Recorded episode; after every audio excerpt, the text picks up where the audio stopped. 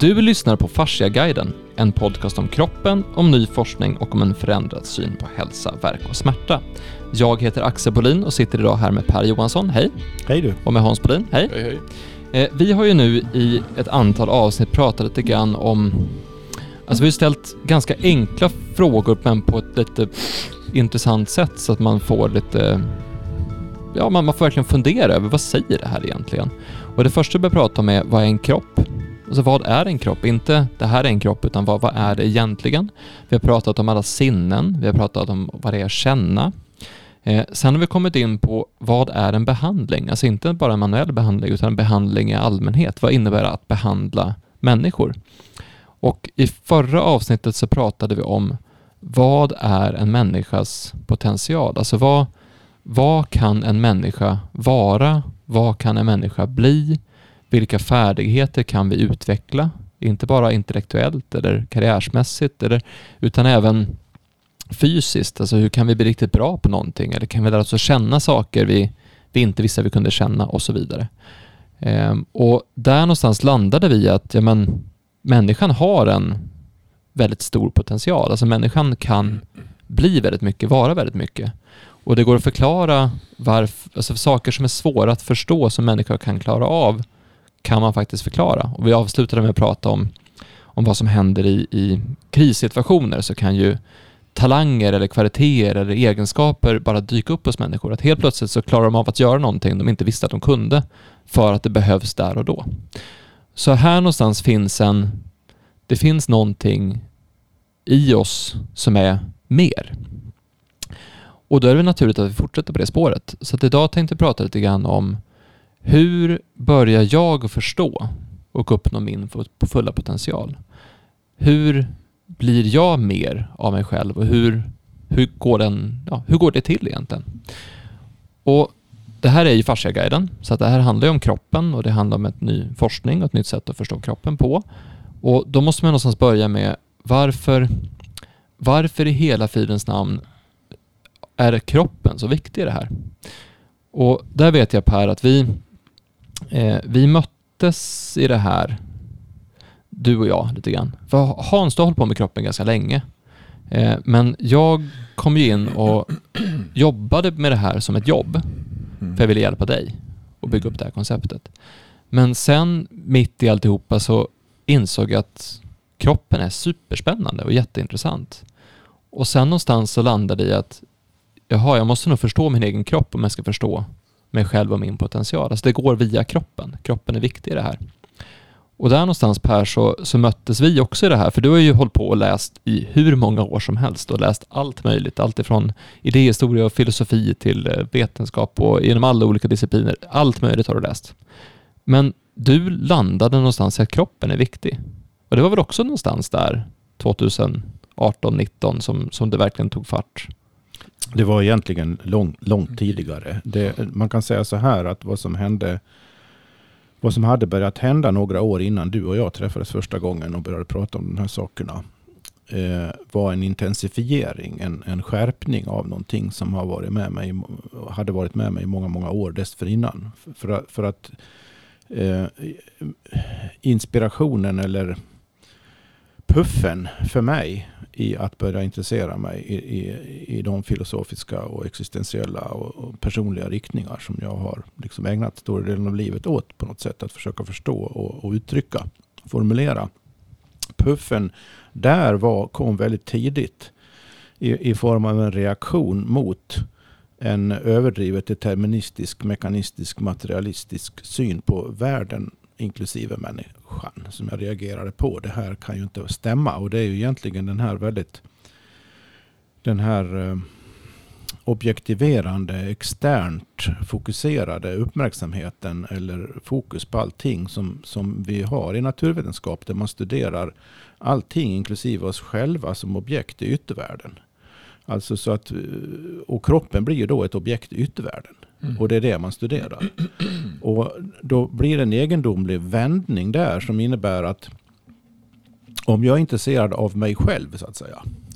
Hur det känns att vara jag och leva mitt liv och uppleva allt det jag upplever med relationer och andra upplevelser.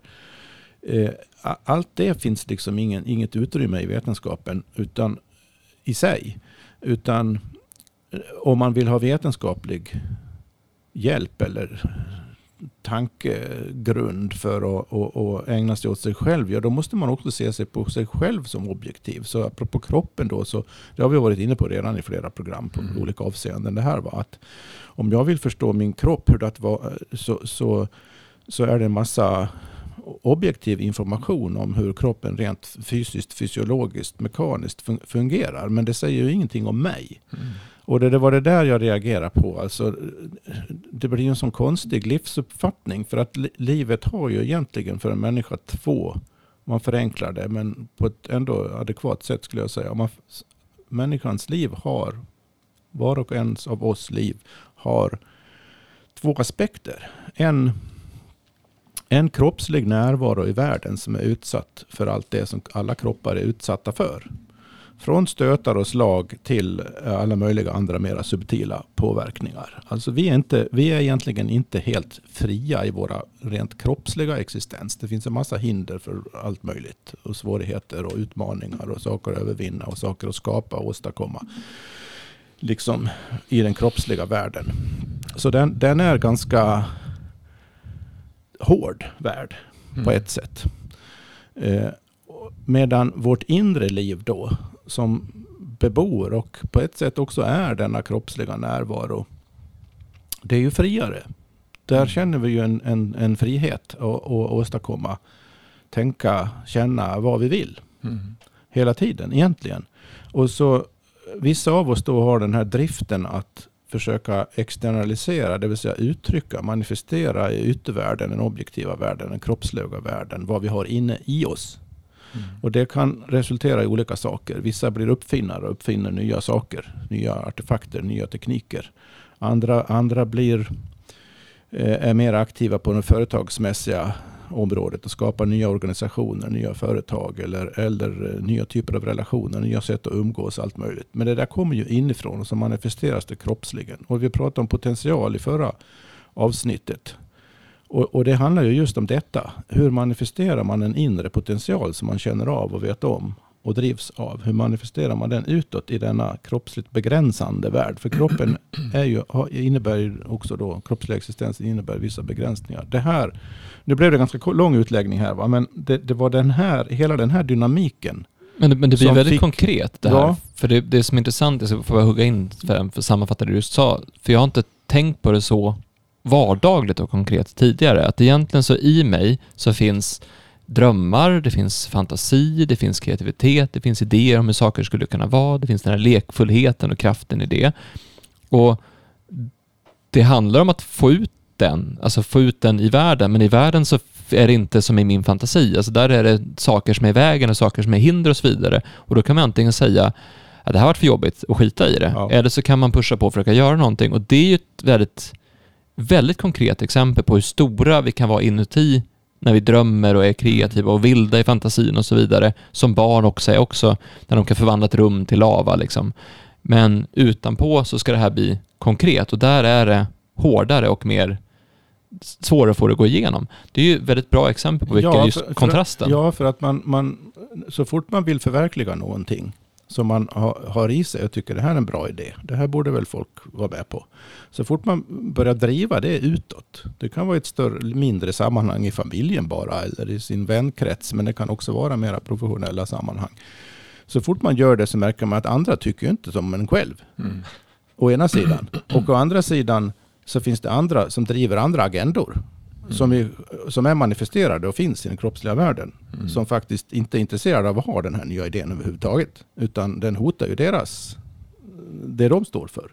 Så det blir konflikt också då. Och allt det där måste man, om man vill verkligen vill förverkliga en potential, en ny idé. Då måste man klara av att stå ut med allt det där. Så det blir en kombination av att lita till sig själv väldigt starkt. Och att vara smart i förhållande till alla de yttre komplikationer som man inte kan undvika. Och det, det, var, det var det här jag kände så starkt väldigt tidigt. För många, många år sedan nu.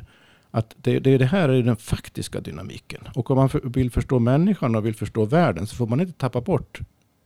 Man kan inte välja mellan den frihetssidan och, ofrihetssidan. Utan frihetssidan och ofrihetssidan är båda lika närvarande i Mm. livet. Och man måste få ihop dynamiken däremellan. Det är det man måste förstå. Och då Mm. upptäckte jag ju när jag började, som du sa, jag läste en massa. Det har jag ju fortsatt med. Mm. Det var ju för att få grepp om det där. Är det inte någon annan som har kommit på det där och försökt förklara det där? Och det visade sig att det var ganska få i modern tid som verkligen adekvat greppade det där i olika filosofier och, och, och liknande. Faktiskt. Så, så, och det säger ju någonting om vår tid då, för vår tid är så bländad av den här styrkan i den rent objektiva förståelsen av saker och ting. Som vi, har liksom, vi är väldigt sofistikerade som samhälle på det. Men vi har tappat bort, vi finns inte en, i närheten av samma sofistikering när det gäller den insidan av, av det. Och det, det, det är de sakerna vi måste få, få ihop. Så det är ursprunget till mitt intresse för kroppen. Eh, Det, kroppen för mig är som, väl, som på något sätt vecklades ut i våra program som vi gjorde om, utifrån frågan vad är en kropp? Kroppen för mig är, ett, är det som medget för manifestering av vad som finns på insidan i utsidan. Så att säga. Mm. Vilka hittar du Kroppen som, är ett medium. under du läser mycket, vilka hittar du som tyckte var, var bespeglade dig bäst? Om man, Ja, om jag, om jag bara nämner bland eh, eh, mera kända filosofer. Som, eh, jag kan bara, William James och Henri Bergson är väl två, två stycken som står för en, en, en, sorts realistisk, eh, dynamisk förståelse av just det här. Faktiskt. Intressant nog Bergson som till och med fick Nobelpriset i litteratur, inte i något vetenskapligt ämne utan i litteratur. Men han var egentligen filosof, ganska vetenskapligt, eller vetenskapligt bevandrad också. Eh, han, han skrev mycket om, om sådana här saker. Intressant nog håller han på att få en renässans nu. Han var väldigt förkättrad och baktalad och eh, inte populär under många år. Eh, Men nu har han börjat komma tillbaka och jag är rätt säker på att det beror på att det är fler och fler idag som upptäcker att avigsidorna av ensidigheten i den här objektiverande synen. Jag skulle kunna nämna fler men det, det räcker ganska långt. En del av Bergson finns på svenska också. För du har ju en annan relation till kroppen Hans. Att du har ju behandlat kroppar väldigt, väldigt länge. Du har haft din egen kropp såklart väldigt länge också, men, men det är ju någonstans, vad var det som fick, vad var det med just kroppen som nyckel till att förstå vem man är och vem man kan bli som fångade dig? Det är ju så, det är precis som du säger, det blir lite konstigt för att eh, många är ju fast i, i det andra. Alltså det yttre. Som inte har kanske någonting att göra med någonting. Det blir väldigt monotont, väldigt enahanda att man har fastnat i en, en illusion. Men kroppen vet att det är en illusion. Och då blir det, eh, och man kan vara så dynamiskt fast i det sättet att tänka på att man, man är fast i det.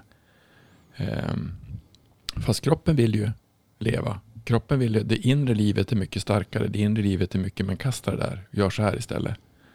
Eh, och en del, och när man hittar den harmonin mellan balansen mellan att få kontakt mellan det inre och yttre. Alltså det yttre inte är viktigt längre utan det inre, det är där livet finns. Det är där all, det är där all kärlek och glädje och, och eh, sanning finns. Då blir det, det blir nästan som en, en, en suck. Åh vad skönt, säger kroppen. Är du här nu igen? Åh vad skönt. Och därför blir det så att behandling kan vara så otroligt annorlunda. En del är att bara bli närvarande att man har en kropp. Att bara som Cayenne gjorde när vi körde förlossning. Att, att de bara stannar av och så oj vad skönt. De somnar mellan, mellan verkarna. Då är man ju i livet. Om man är på väg att ge livet någonting. Då är man verkligen närvarande. Så behandling kan ju vara en närvaro, att man är stannar av, att man blir närvarande, att man har en kropp. Och det kan också bli en, eh, en, eh, en påminnelse om att jag är mycket mer än vad jag tror att jag är. Jag är inte begränsningarna utan jag är mycket, mycket mer. Eh, så den, den där, det kan vara jätteintressant att behandla folk och det kan vara jätteointressant att behandla folk. För att om de inte är där, om de inte vill vara där utan de är fast i allting som har varit då blir det ganska ointressant. Därför det går inte att göra någonting. Utan det är, det är ändå kroppen som bestämmer det är ändå kroppen som är kompassen på vad som är. Kroppen lever ju. Kroppen är inte intresserad av det som hände för tre år sedan egentligen. Alltså definitivt inte intresserad. För det, det, de cellerna som lever nu, de har inte med för tre år sedan. Men minnet kanske är kvar. Men det är bara minnet över att jag inte dög som jag var. Eller jag inte, alltså det räckte inte som det var. Eh, och därför finns det ju, eh, och det blir ju lite, eh, det blir lite eh, märkligt med hur mycket vi kan vara fast i det yttre som inte ens är yttre längre. Jag måste knyta an här till, till det du säger Hans, apropå i relation till det jag sa innan. För att det, det jag, det som du tog, jag förstod tidigt väldigt tydligt det här jag formulerade nyss i allmänna, allmänna termer så att säga. Och, och sen var jag, blev jag då tvungen, givet mitt intresse, starka intresse här nu, jag blev tvungen att sätta mig in i massa olika tänkande kring det här. För att kunna formulera den här grund grundinsikten så realistiskt och användbart som möjligt. Men det tog längre tid för mig att fatta att, att liksom vända det tillräckligt starkt mot till mig själv, in mm. i mig själv. Mm. Så att jag insåg att jag sa, jag sa kroppen ett medium för manifestation av, från det inre till det yttre. Mm. Det tog ett ganska lång tid och vissa avgörande, inte helt behagliga upplevelser i livet och få mig att fatta att, ja, men vänta nu här, så är det ju för mig också.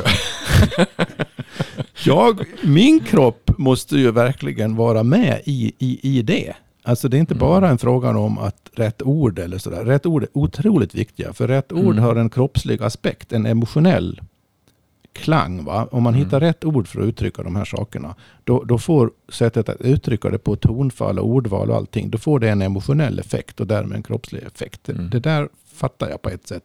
Men, men just det där hur otroligt starkt, som du säger Hans, ens förflutna medan de hände omedvetna reaktioner på saker och ting. Hur starkt det sitter i kroppen. Mm. Och hur viktigt det är att bli av med det. Mm. För att vara en så ren kanal som möjligt. Egentligen skulle man kunna uttrycka det som. Mm. För, för att realisera då idéer och manifestera saker mm. i världen och i relation till andra och så vidare. För att mm. det som får, en att lyssna, det, får, det som får andra att lyssna på en och bry sig om vad man säger eller vad man försöker göra. Det behöver inte vara något man säger, det kan ju vara en verksamhet också det som får en andra att bry sig om det, det är i otroligt stor utsträckning deras upplevelse av hur kroppsligt, samtidigt kroppsligt, själsligt, intellektuellt i samklang närvarande man är mm. i det man gör. Mm. Det vill säga det, det, man utstrålar, hur man själv manifesterar sig. Och då är, då är den e, då kommer man inte ifrån att man behöver eh, för att vara där, det mediumet så att säga, så starkt som möjligt, så verksamt som möjligt, så, så energistarkt som möjligt. Då, då, måste man komma över de där, mm. i alla fall de värsta mm. av de där inre mm. sakerna. Exakt det du pratar om. Eller vad det är för något som är kvar. Så, så det, det, det här tycker jag är så intressant för att om man, tänk, om man resonerar så här och förstår det här, då inser man att det allra mest konkreta man kan tänka sig, hur det överhuvudtaget känns i en saker och ting. Mm. Det är det mest konkreta av allting egentligen. Mm. Det konkreta är ju inte den fysiska omgivningen. Det konkreta är ju det man faktiskt känner och mm. förnimmer i kroppen. Det hänger direkt ihop med de här mera filosofiska problemen om förhållandet mellan det inre och yttre, mellan kropp och själ. Mm. Mm. Ja, det är intressant här, för det var samma sak som vi Eh, vi intervjuade Camilla för ett tag sedan och så sen så berättade hon då om när hon läste på om, eh, om vitaminer och mineralstatus och så vidare på, på djur på 80-talet och bara men det här är viktigt och bra och så läste hon artiklar om C-vitamin och så bra. Men hon insåg inte att hon själv hade problem. Alltså hon, för hon fattade inte att det hon läste handlade om sig själv också. Och det där är, det där tror jag, precis som du säger, det där är sån här första eureka moment där man bara säger, ja men jag har, jag har väntat ett tag nu, så är det. För mig hände ju det när jag läste med Camilla, alltså när vi höll utbildningar ihop, och det berättade om förut, men, men när jag förstod, när jag fick se hur otroligt avancerad och häftig och självorganiserande och, och, och otrolig min egen kropp faktiskt är. Alltså hur mycket, som, hur mycket som händer i kroppen utan att jag är medveten om det, utan att jag påverkar om det, så mycket som händer bara av sig själv då förstod jag att oj, det här är, det här är superavancerat. Det här kommer jag aldrig kunna kontrollera. Det här gäller bara att vara i och följa med. Och då insåg jag att det här, var- det här är min kropp. Och det vart en, en, en, en poäng, i- eller en, en insikt som hävde en blockering som jag hade. För det här är intressant, för du pratar Hans om att, att eh, i kroppen, i, inuti, så kan man vara fri och sådär. Mm. Det pratar du också om Per. Men det, finns ju en, en, det kan finnas en fysisk begränsning utanför. I att man, och den fysiska begränsningen kan ju vara att ja, men jag har levt så här så länge nu så det är svårt att förändra mitt levnadsmönster. Det betyder inte att det inte går. Det betyder att det är någonting, det är någonting utanför mig, eller någonting i den miljö jag är i som gör att det blir svårt att ändra. Eh, Det kan ju vara tankar som st- ställer till och så vidare, men, men det, för det är inte...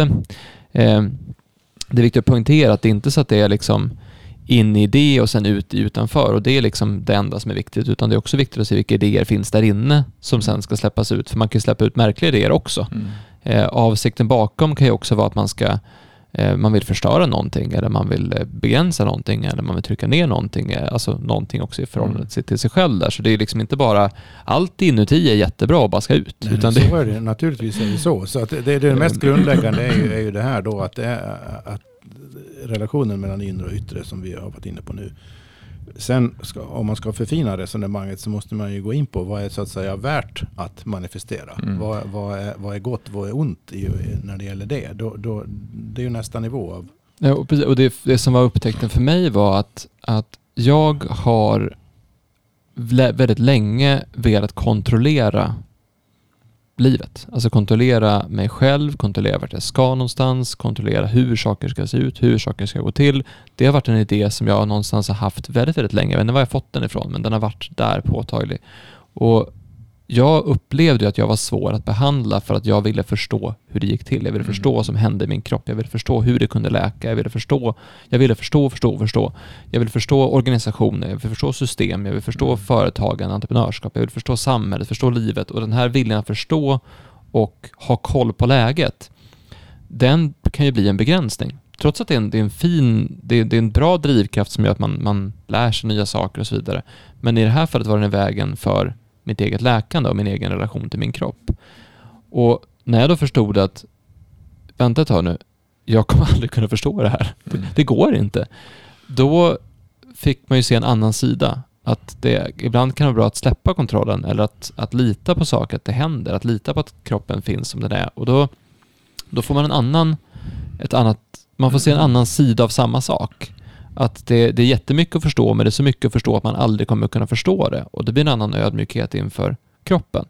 Så jag tror att någonstans så kan det finnas, om man nu ska börja förstå sin fulla potential. Man ger ju upp på ett sätt och i och med att man ger upp så slappnar man av också. Mm. Ja, och det var som vi pratade om det här med något avsnitt om, om ens, att hitta ens varför, eller hitta ens drivkraft. Alltså förmodligen är det ingenting du behöver, behöver tänka dig fram till eller liksom sitta och dividera, Nej, det är det man ger upp. Man ger, ja. man ger ju inte upp i största allmänhet. Man ger ju upp väldigt specifikt just i förhållande till det här att, att, att nej, jag behöver faktiskt inte kunna tänka det här. Jag Men jag tror att, jag tror att det är inte så att det som är det som är häftigt med det som jag tror att det som är egentligen mitt sanna jag, min sanna potential. Den är alltid positiv. Den är alltid inspiration, den är alltid glädje, den är alltid kärlek. Och när man ser det när man behandlar folk, det är ganska o, alltså jag har gjort det så många gånger, så att när du ser någon gå in i den vibrationen eller den frekvensen utan att vara i ren kärlek, alltså släppa allting och vara i ren sanning. Då börjar jag gråta också, för de gråter ju.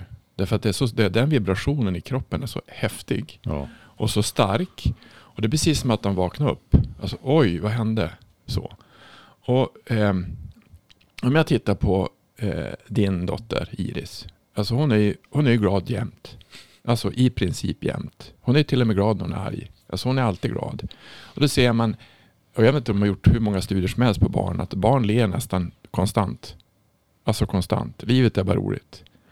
Och tänk om det är så vi är. De är fullständigt närvarande i alla sina känslor Allt- också. Om de liksom blir de arga eller ledsna så är de, Allt, då är de helt arga och helt Ja, ledsna ja, i två minuter. De är full rulle på allting. Men, Ja. de är, men de är väldigt glada Mm. och väldigt kärleksfulla och väldigt...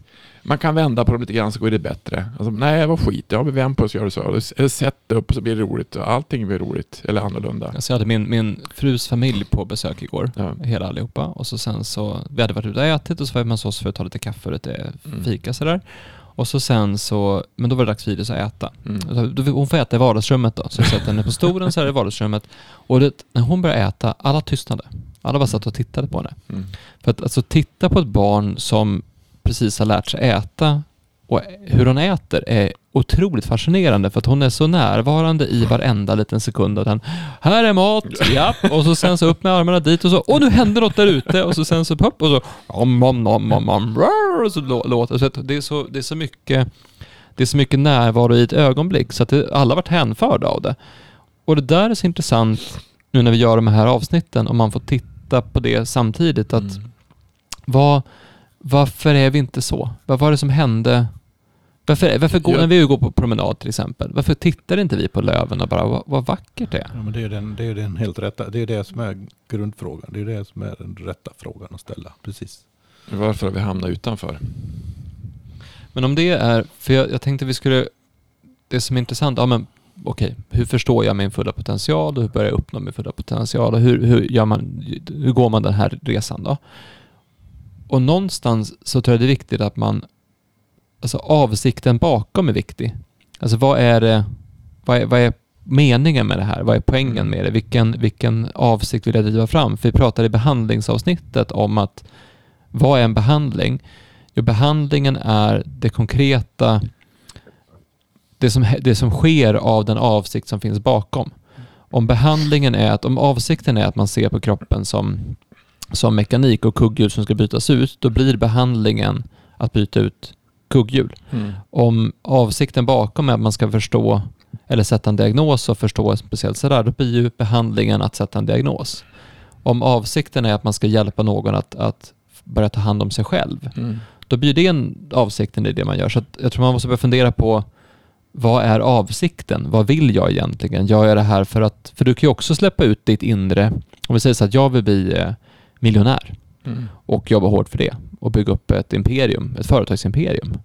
Då kan ju det vara en avsikt som, som också konkretiseras och drivs på. Men jag har ju träffat väldigt många som har gjort det och det är inte som att de är lyckligare för det utan det finns en det finns någonting annat i det också. Så att inte, vad är, vad är potentialen och vad är det egentligen jag vill ha fram? Ja, vad gör jag det för? Avsikt och motivation hänger ju ihop. Mm. Så att om, om, om, om, man, om ens motivation är att kommer, som du sa Hans, eh, om, om någon hamnar i det här tillståndet under en behandling då det, någonting, det uppstår en lättnad, en, en både kroppslig och emotionell lättnad, så börjar de gråta. Mm. Och då eftersom du är, är också en, en sensitiv person så börjar du eh, mer eller mindre gråta du också. så- Mm. För det blir en resonans. Mm. Jag känner igen det där. För jag, är- jag är lite likadan. Inte för att jag håller på att behandla folk men jag märker ibland, man kan ju märka om man liksom har gjo- gjort eller sagt någonting som gjort intryck på någon. Mm. Liksom det, når det där djupet så uppstår den där grå- eh, en sorts glad, glad gråt eller vad man ska kalla det för.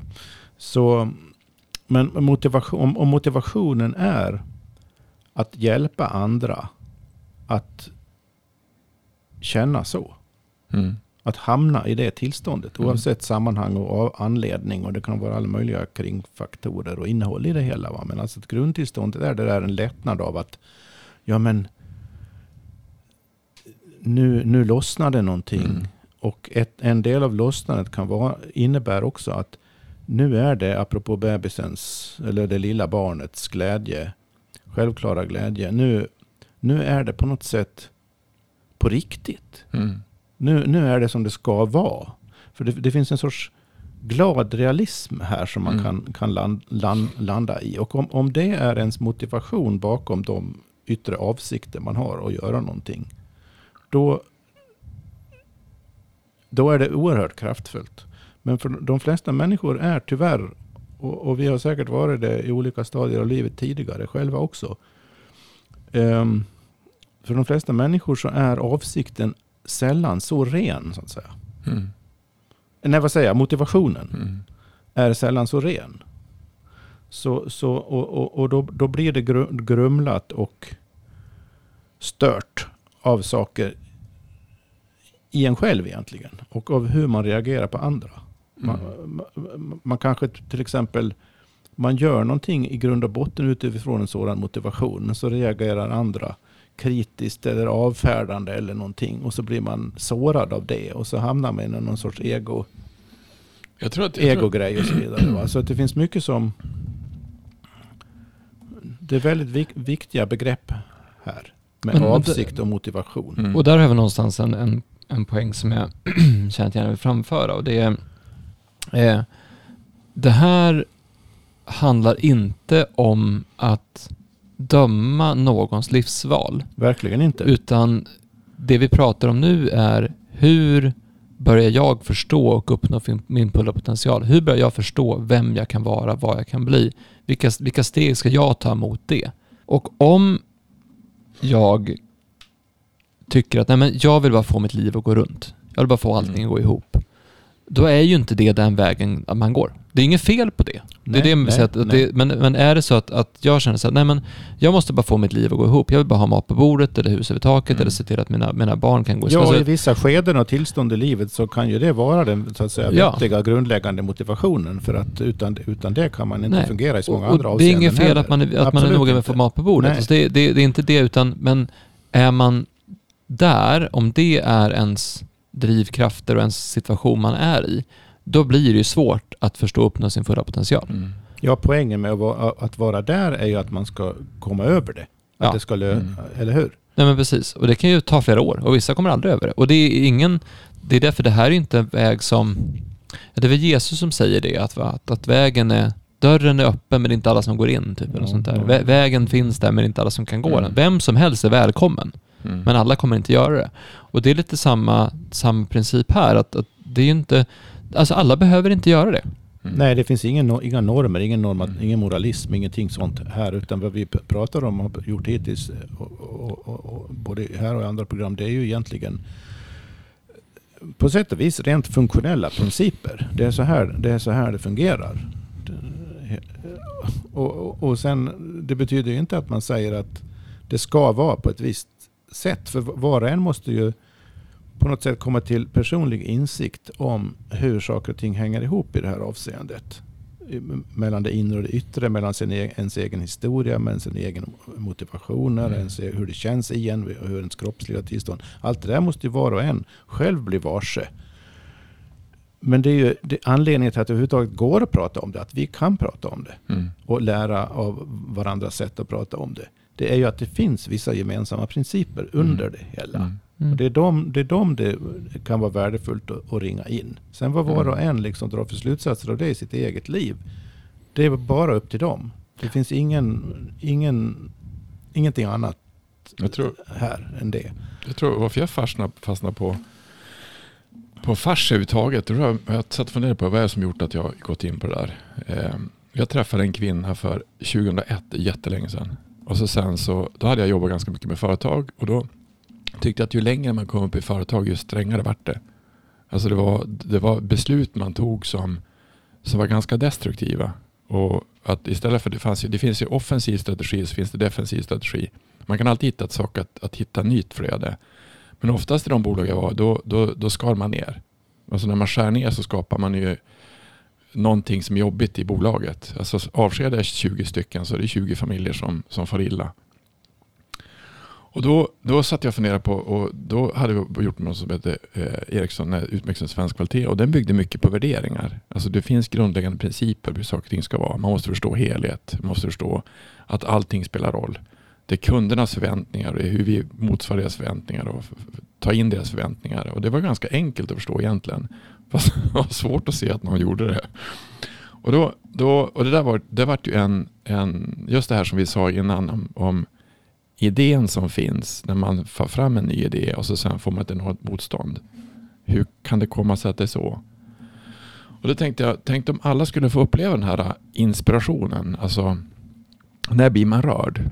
När blir man berörd?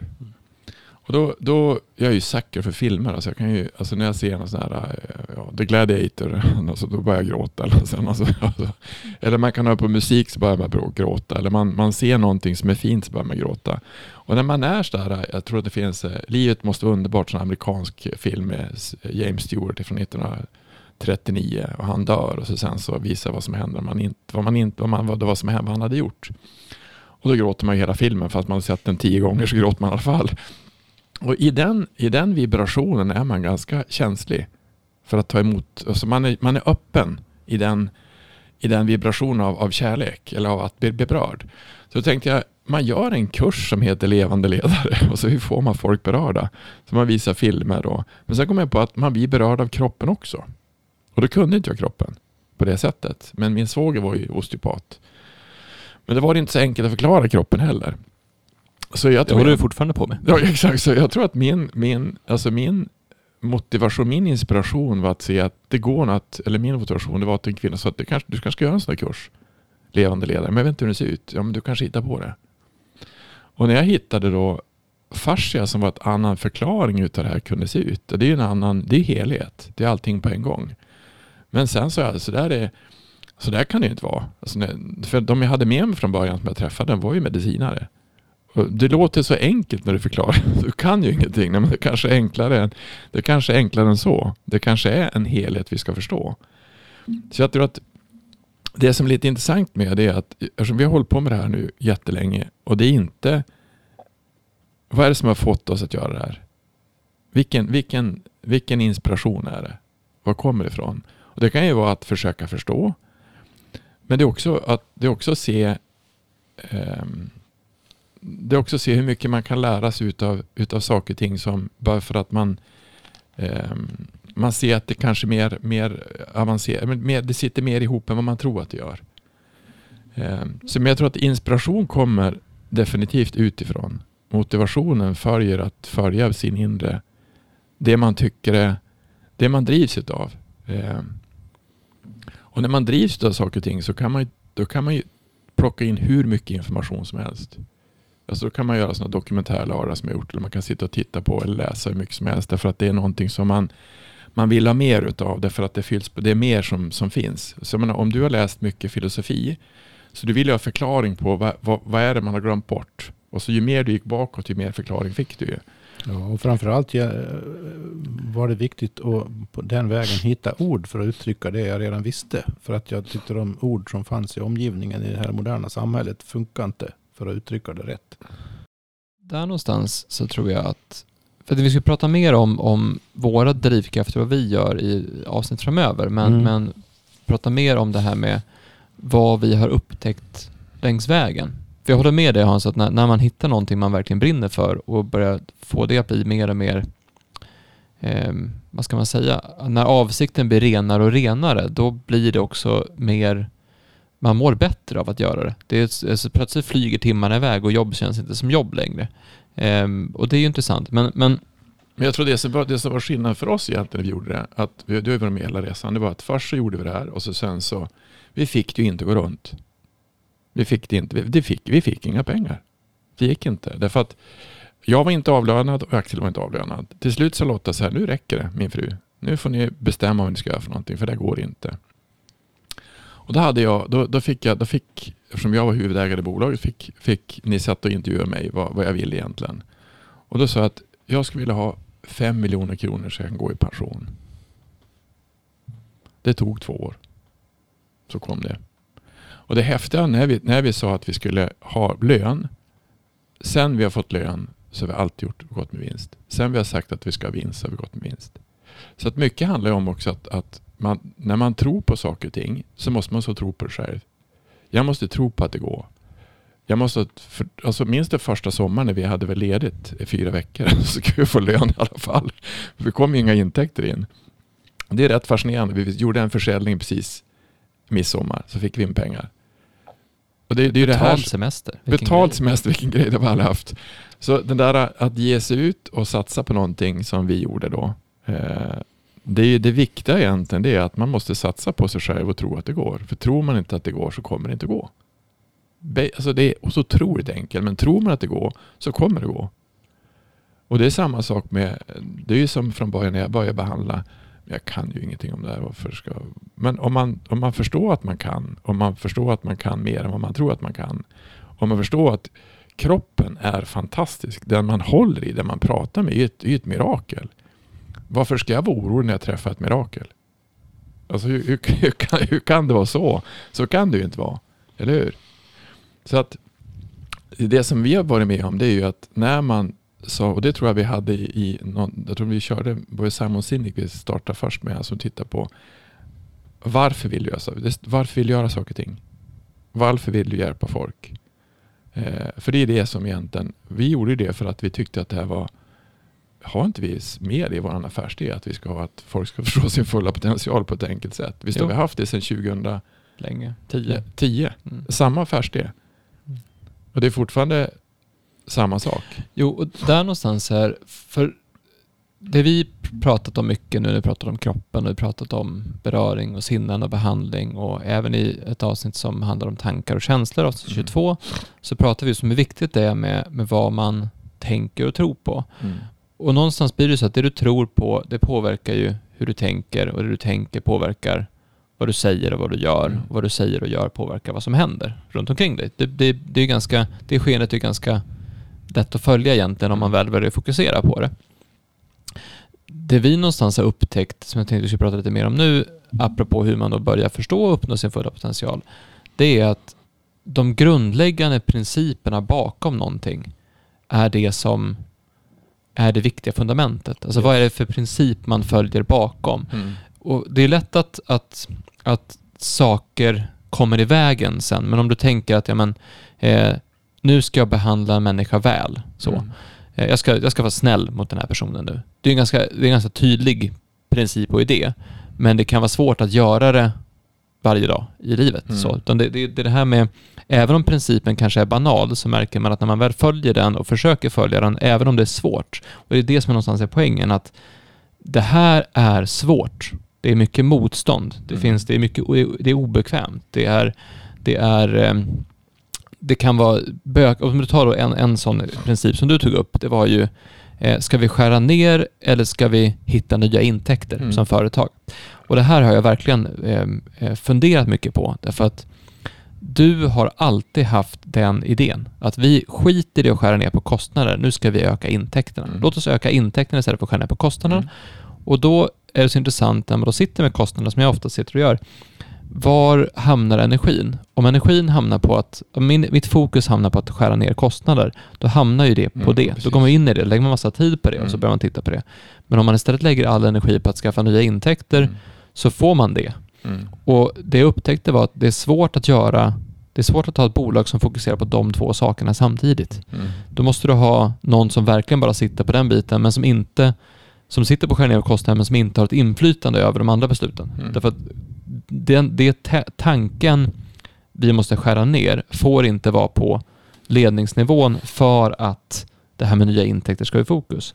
Det här är lite grann vi har pratat om tidigare. Vad är det som vad är det som bygger upp kroppen och vad är det som bryter ner kroppen? Vad är det som bygger upp en verksamhet och vad är det som bryter ner en verksamhet? Mm. Och det är ett konkret exempel på hur principen och idén är viktig. Mm. Men jag tänkte vi skulle börja med en, en sån central sak som jag pratat om eh, bara senaste veckorna som verkligen var sån här, min senaste aha-grej. Mm. Eh, för då blir det färskt och så kan vi prata om de andra sen då. Eh, och det är om jag nu ska få saker att hända, om jag ska förstå och uppnå min fulla potential, om jag ska få saker att hända, jag ska få spridning på saker, eh, då handlar det om att sätta saker i rörelse jämfört med att jag ska göra massa saker. Vi pratade lite grann om det i förra avsnittet om människans potential. Jag berättade om den här Gary Vaynerchuk som sa att om du verkligen vill någonting måste du jobba 12 timmar per dag, annars mm. vill du inte tillräckligt mycket. Och då sa vi att nej, men det vill vi inte göra. Vi vill inte jobba 12 timmar per dag. Men då börjar vi prata om, om, om man ska sprida någonting, om man ska göra någonting, vad händer om man, om man sätter saker i rörelse istället för att man gör någonting. Mm. Och det här har du alltid varit bra på Hans, att du har alltid satt andra, andra människor i rörelse, du har inspirerat folk så att de känner det här vill jag göra, vad kul. Mm. Och då kommer vi någonstans fram till att om man sätter saker i rörelse, då har man inte kontroll längre. Men då blir också andra människor viktigare än en själv. För då är det plötsligt andra människor jag måste inspirera så att andra människor gör det här till sitt och gör sina saker. Mm. Och det är en sån princip som går åt potentialhållet. För egentligen... För att bara lägga till jättekort. Den principen är så otroligt viktig, sätta i rörelse-principen, för att den markerar och innebär i praktiken att vad saken gäller är inte bara det som kommer från en själv och som man själv kan göra, utan det, det man själv kan göra och vad som kan komma ur en själv, apropå potential, är oerhört mycket mer omfattande än någonting man själv kan riktigt förstå. Och Mm. ännu mindre kontrollera. Och det Mm. relaterar till det vad du sa om kroppen innan också. Kroppen är större än dig så att säga. Eh, Och, och, och i det här fallet är det, är, är, är det verkligen så. Och det är det man förstår när man växlar över från att, att, att tro att man måste göra något, allt själv. Att man måste göra en massa och jobba jättemycket. Man växlar om från det till att förstå att man kan sätta saker i rörelse. Då måste man också själv i viss mening träda tillbaka. Det är Mm. inte så att man slutar göra saker och ting, men man behöver träda tillbaka. Annars så kan potentialen i det man gör inte utveckla sig. För potentialen ligger egentligen inte i en själv. Utan i allting utanför. runt omkring. Mm. Utanför, allting utanför. Och det är det här som är spännande i att då tänker man så här, jaha, men om jag gör mindre men sätter mer saker i rörelse, det är ju, då gör jag ju mindre. Men det intressanta med det är att du gör ju på ett sätt mer. Det är mer ansträngande på ett sätt, men Ja, mindre ansträngande på ett sätt. Så det är att mer du, ansträngande på andra sätt. Precis, för det, det blir mindre ansträngande att jag kan lägga mindre tid på någonting. Så att jag lägger mindre tid på, på min dag sådär. Mm. Men det blir mer ansträngande därför att om jag sätter saker i rörelse och litar på att andra gör saker, att Mm. saker händer för att jag sätter saker i rörelse, då måste jag släppa kontroll. Mm. Jag måste ha tillit till att det jag försöker sätta i rörelse är så pass bra så att andra tycker att det här känns intressant att sprida vidare. Mm. Jag måste ha en acceptans för att det kanske inte blir som jag tänkte mig. Det kanske blir på ett helt annat sätt. Mm. Jag måste ha en acceptans för att andra människor kanske tar min idé som jag satt i rörelse och gör någonting annat av det. Mm. Då är det inte min idé längre. Mm. Och det här kräver ansträngning. Och det är det som jag tycker är intressant med att vi är så fokuserade på det här ena sättet att tänka på, att jag lägger ner timmar och gör saker och det är därför ansträngande. Jobb, jobb är förknippat med tid. Vi anser att jobb är den tid jag är på jobbet. Men jobb kan ju också vara, alltså att jobba med någonting kan ju också vara att man får jobba med hur man själv ser på saker. Mm. Den inre, det inre jobbet, att förstå vem man är, vad man gör, vad man kan uppnå, vad man kan bli. Det är också ett jobb som kommer, som kräver sin energi och sin tid. Mm. Och, fast då, är inte, då mäts inte tiden i timmar, utan då, då mäts tiden i I Kvalitet. Mm. och det där är en, en sån här grundprincip som är värd att förstå om man ska uppnå sin fulla potential. Att det kräver att man lägger ner, kanske inte tid då, men energi. Det kräver att man jobbar med sitt sätt att se på saker. Men gör man det så kan det ju hända otroligt mycket. Alltså om du vågar lita på alla människor. Det, var någonstans Per, jag hörde dig prata om, om eh, det här har jag gjort, gjort mycket på senaste tiden. En, en vis man är god mot de goda. Men en vis man är också god mot de som inte är goda. En vis man litar på de som går att lita på. Men en vis man litar också på de som inte går att lita på. Och det kräver någonting, att jag ska våga lita på någon som inte går att lita på. Men vad händer om jag litar på någon som inte går att lita på? Då får den personen för första gången kanske på jättelänge någon som faktiskt tror på dem. Och det kan ju kicka igång saker. Det kan Mm. ske en förändring. Och då litar jag också på att gör jag någonting gott så kommer någonting gott. Sen kanske det inte kommer i den form som jag trodde den skulle komma i. Och det här blir, ja, Apropå, apropå potential här då återigen. Det är alltså potentialen vi pratar om här är en potential i och för världen. Mm. Det är inte en potential i Axel Bolin. Mm. Utan d- d- Axel Bolins potential är någonting som kan initiera och sätta saker i rörelse i världen. Men det är världens potential som är hela poängen Mm. med, med det hela. Och det betyder att din självuppfattning om du går in, in i det här spåret, din självuppfattning blir helt annorlunda än den vi som regel, som regel skolas in i Mm. nu för tiden. och det var det jag Och det personligen är det som kräver, det är det som kräver den här energin du pratade om nyss. Mm. Det är det, det är det som blir krävande då på ett annat sätt. Och då blir det, för då blir det en fråga om självkultivering. Att å ena sidan driva och sätta igång och sätta saker i rörelse och hela tiden ha den här eh, på, sä- på sätt och vis liksom, kan man säga, rena motivationen det är ett arbete och, och, och det kräver då arbete med, med, med sig själv.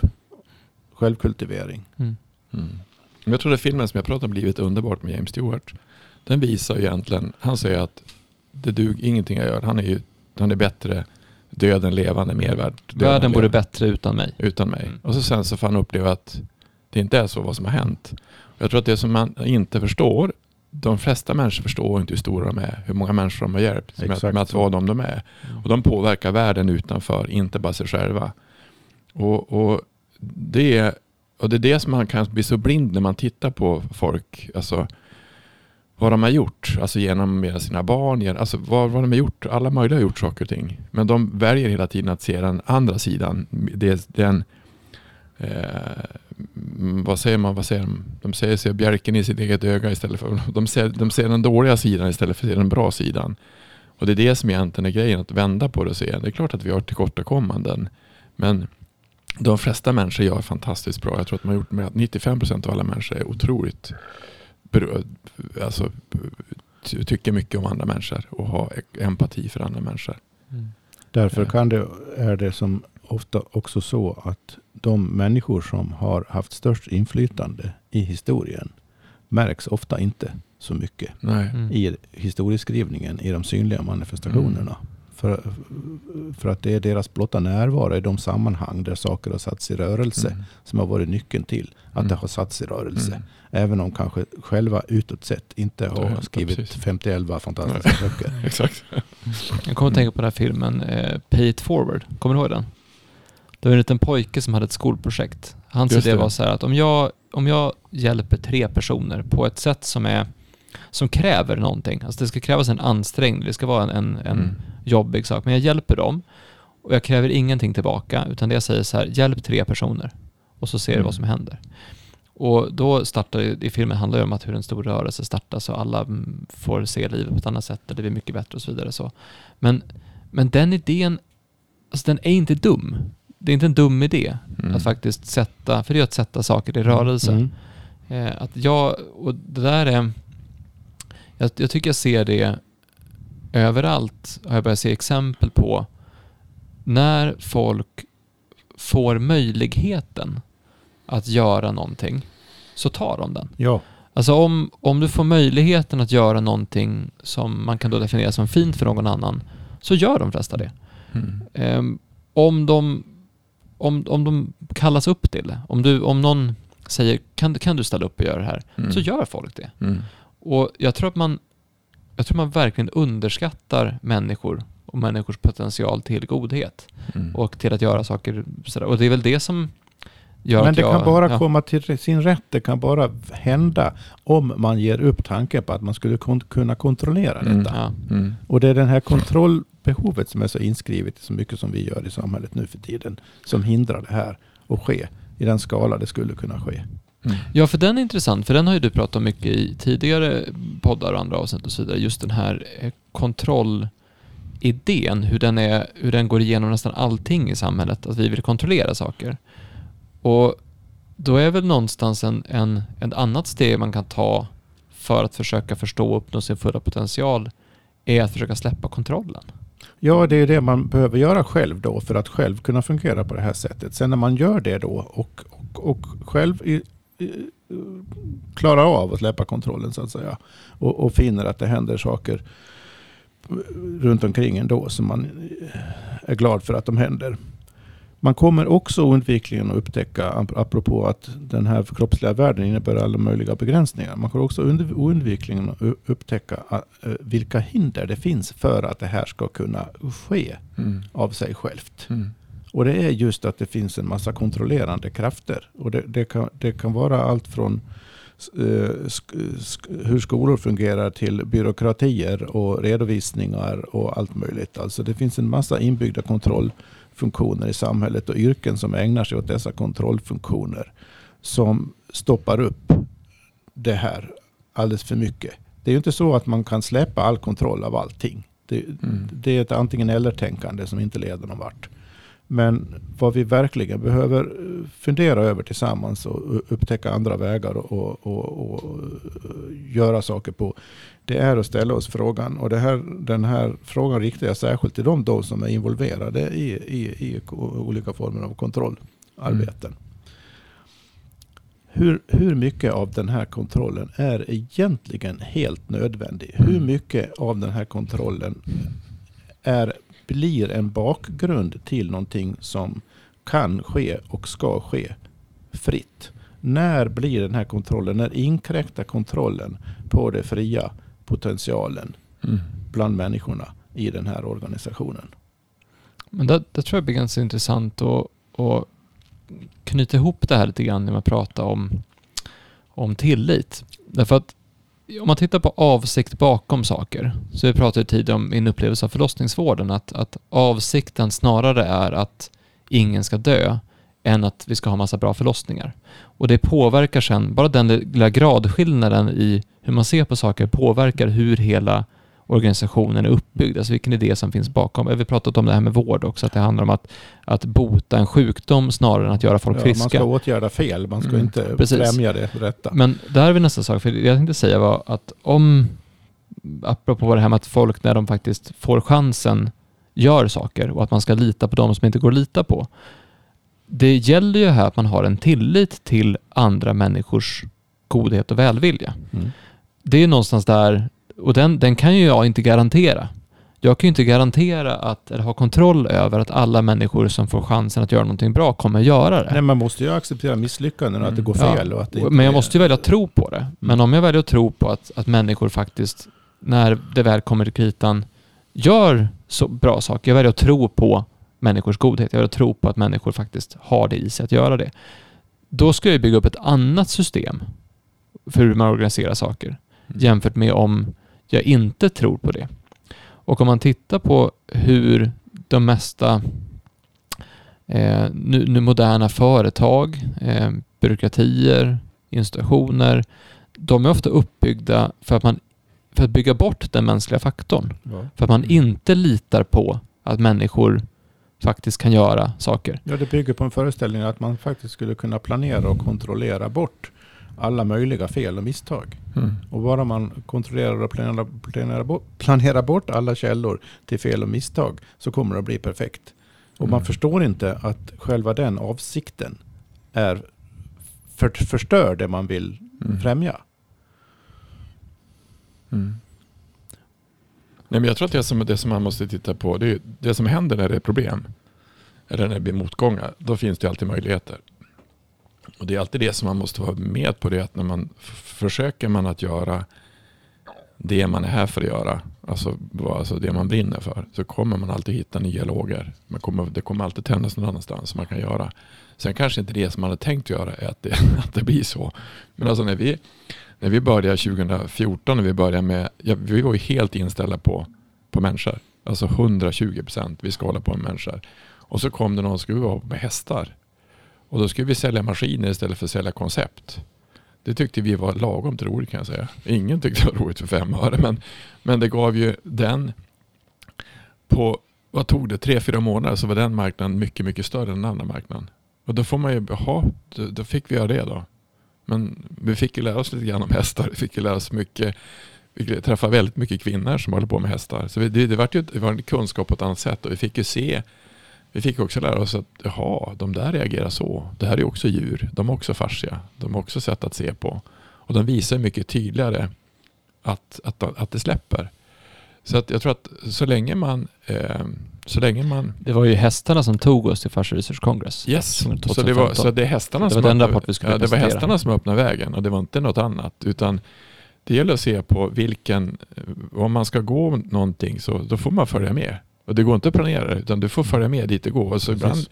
ibland går det inte, jaha, då hittar man något nytt. När vi startade fasciaklinikerna så var det ju, ja, då, då, vi gjorde om allt.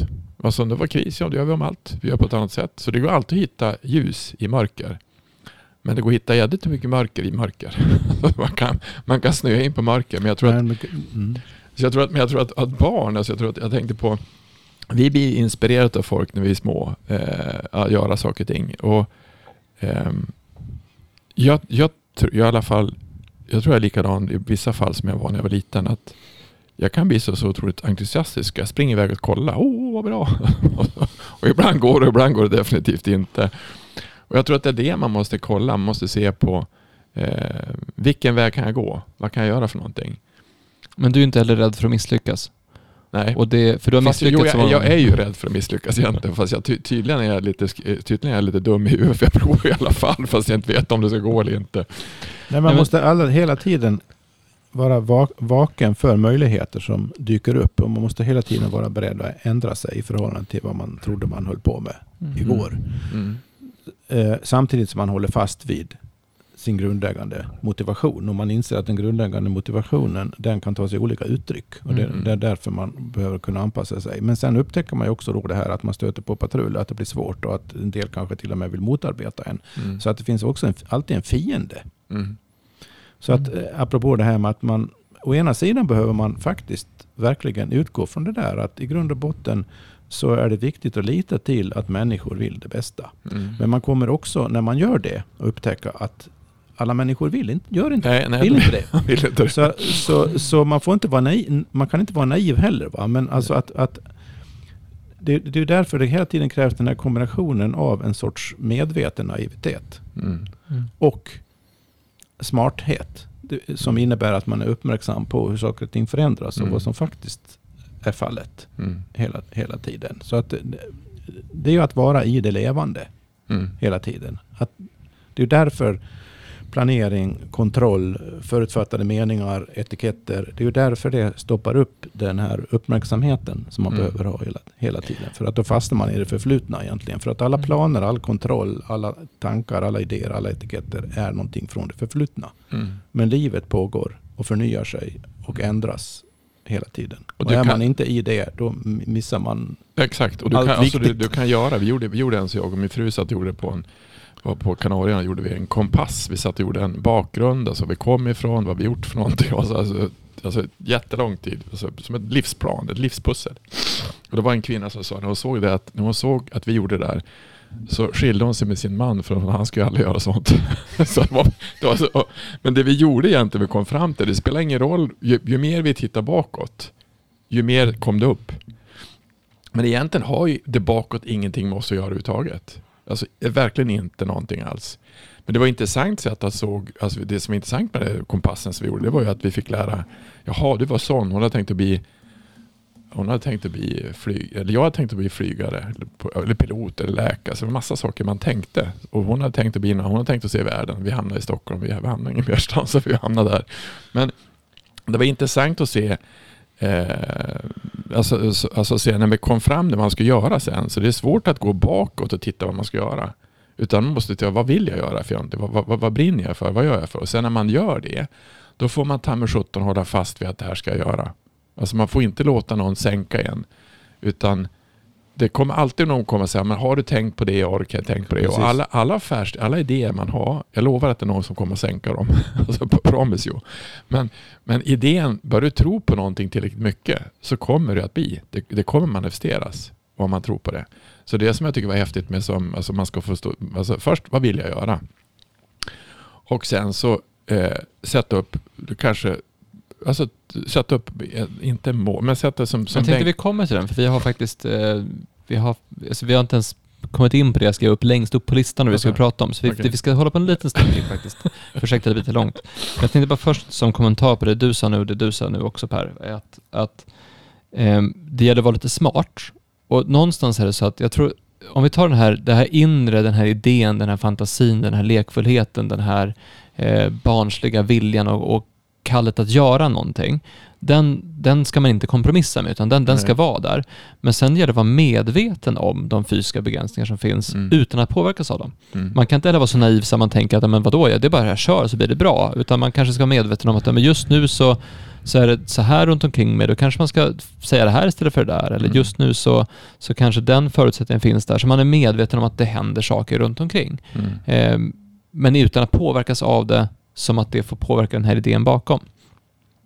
Jo, för det som vi, det som vi listade upp längst upp som anteckningar på inför det här avsnittet var de här fyra sakerna vi noterade att man kan börja göra då för att sätta saker i rörelse och börja förstå och uppnå sin fulla potential.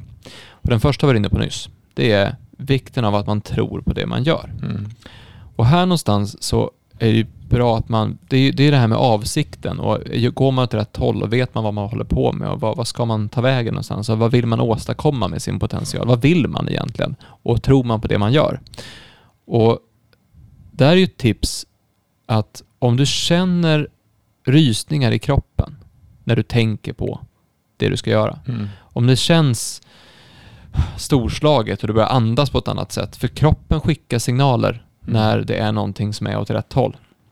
Och är det någonting som inte känns bra i kroppen, inte i huvudet, alltså som i ångest eller tankar, utan, utan i kroppen. Känns det inte bra i kroppen, då kanske man ska tänka om lite grann eller, eller rikta om lite grann eller gå åt ett litet annat håll. Men, men försöka hitta den tron.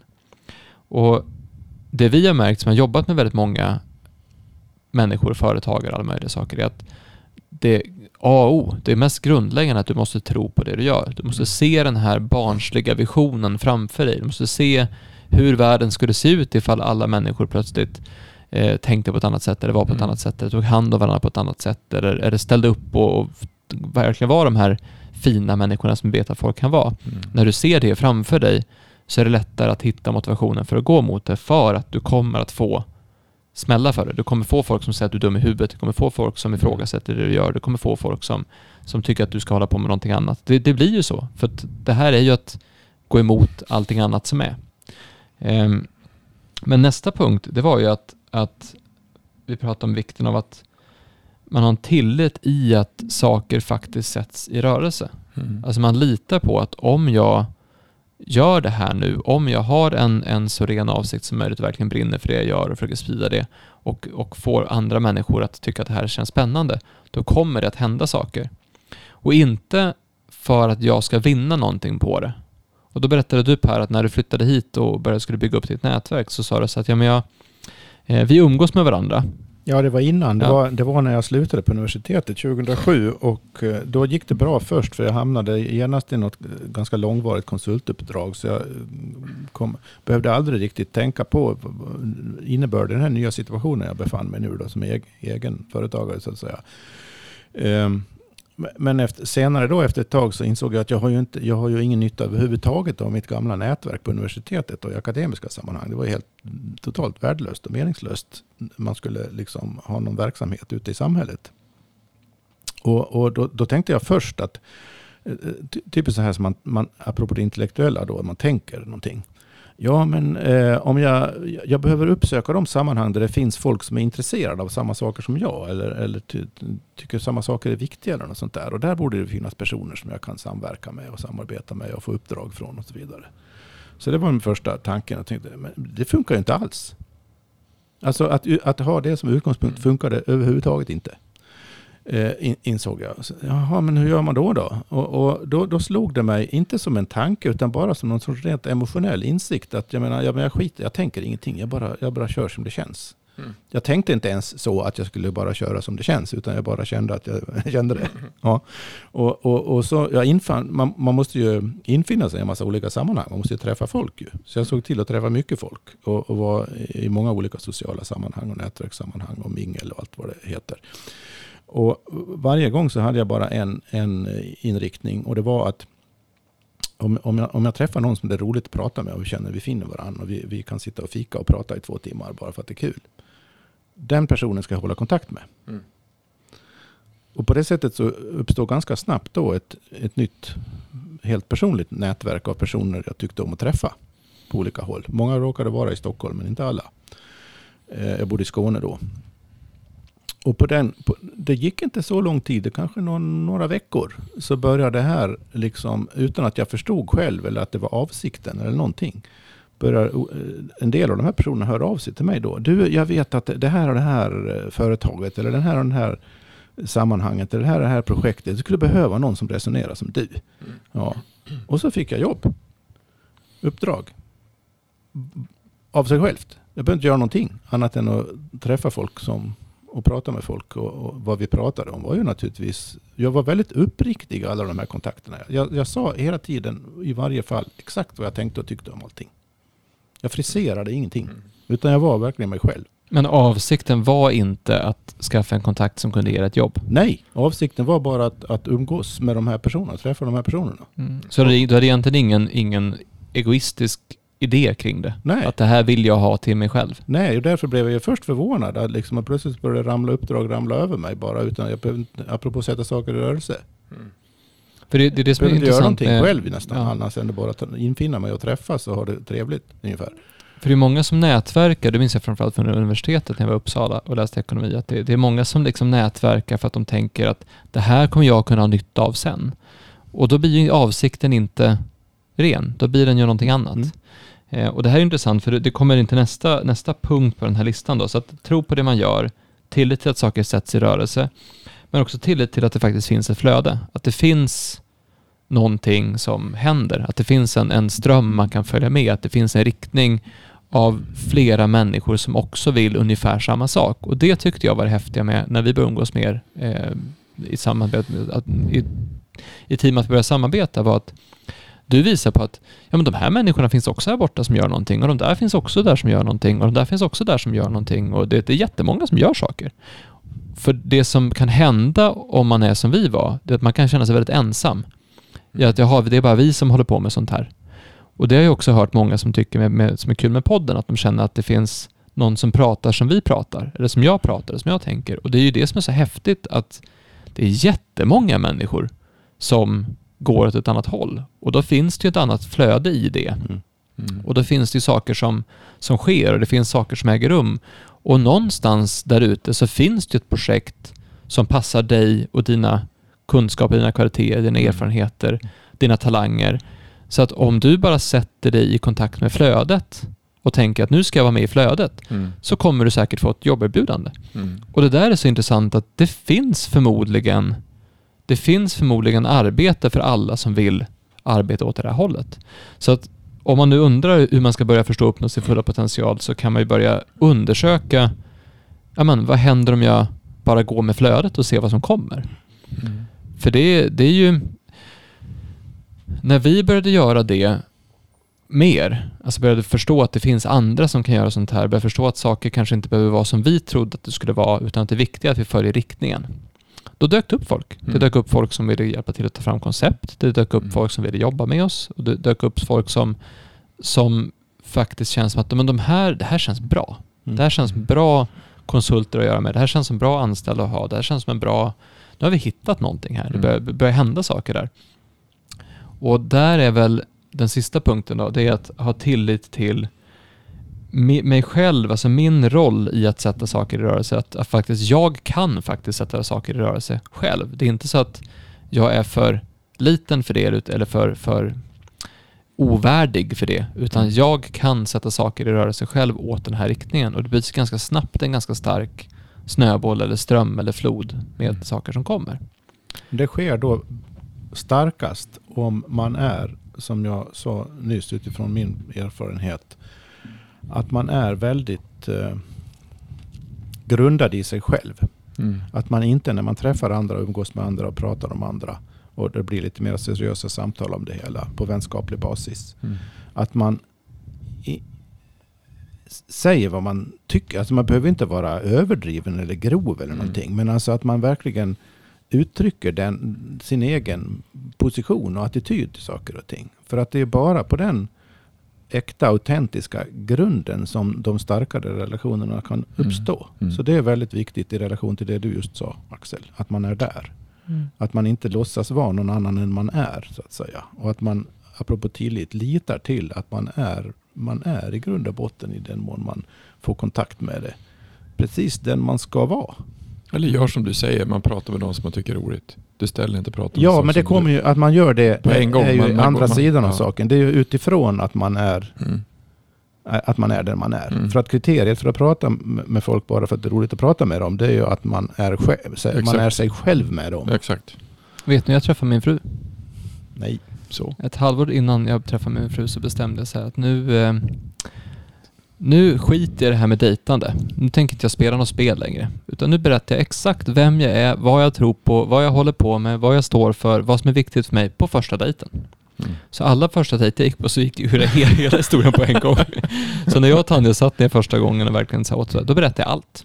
Mm. Bara så här, det här är viktigt för mig, det här är vad jag tror på, det här är vad jag står för, det här är vad jag är. Och det, det gick så mycket fortare i dejtingsammanhangen då, för då, då var det som att kändes det rätt så kändes det rätt, kändes det inte rätt så var det som att säga hej då. Väldigt tydligt alltihop. Och någonstans är det så här, det är ju ganska extremt och ganska sådär, men samtidigt så behövde jag vara med någon som klarade av att det var så, därför att jag är så. Mm.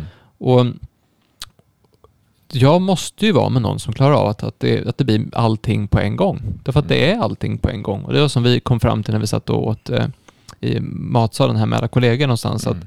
alltså när vi pratar ihop i vår familj, då är det tio olika ämnen på en gång. Samtidigt. Och man byter ämnen hela tiden. Och då sa hon som satt där, ja, det är det det vi pratar om nu? Vad spännande. Och, och det måste man kunna hantera om man ska vara i det här flödet. Att det är jättemycket saker på en gång och huller om buller. Och För du, man kan inte ha kontroll över det, utan vad är det de säger? Att, att eh, vinden blåser vart den vill och, anden blåser vart den vill och vatt, flödet går vart det vill. Det är som, du kan inte stoppa ett flöde. Och är det kontrollerat flöde, eller styra ett flöde, för då blir det inte ett flöde längre. Så det Mm. gäller bara att sätta saker i rörelse och släppa kontrollen. Mm.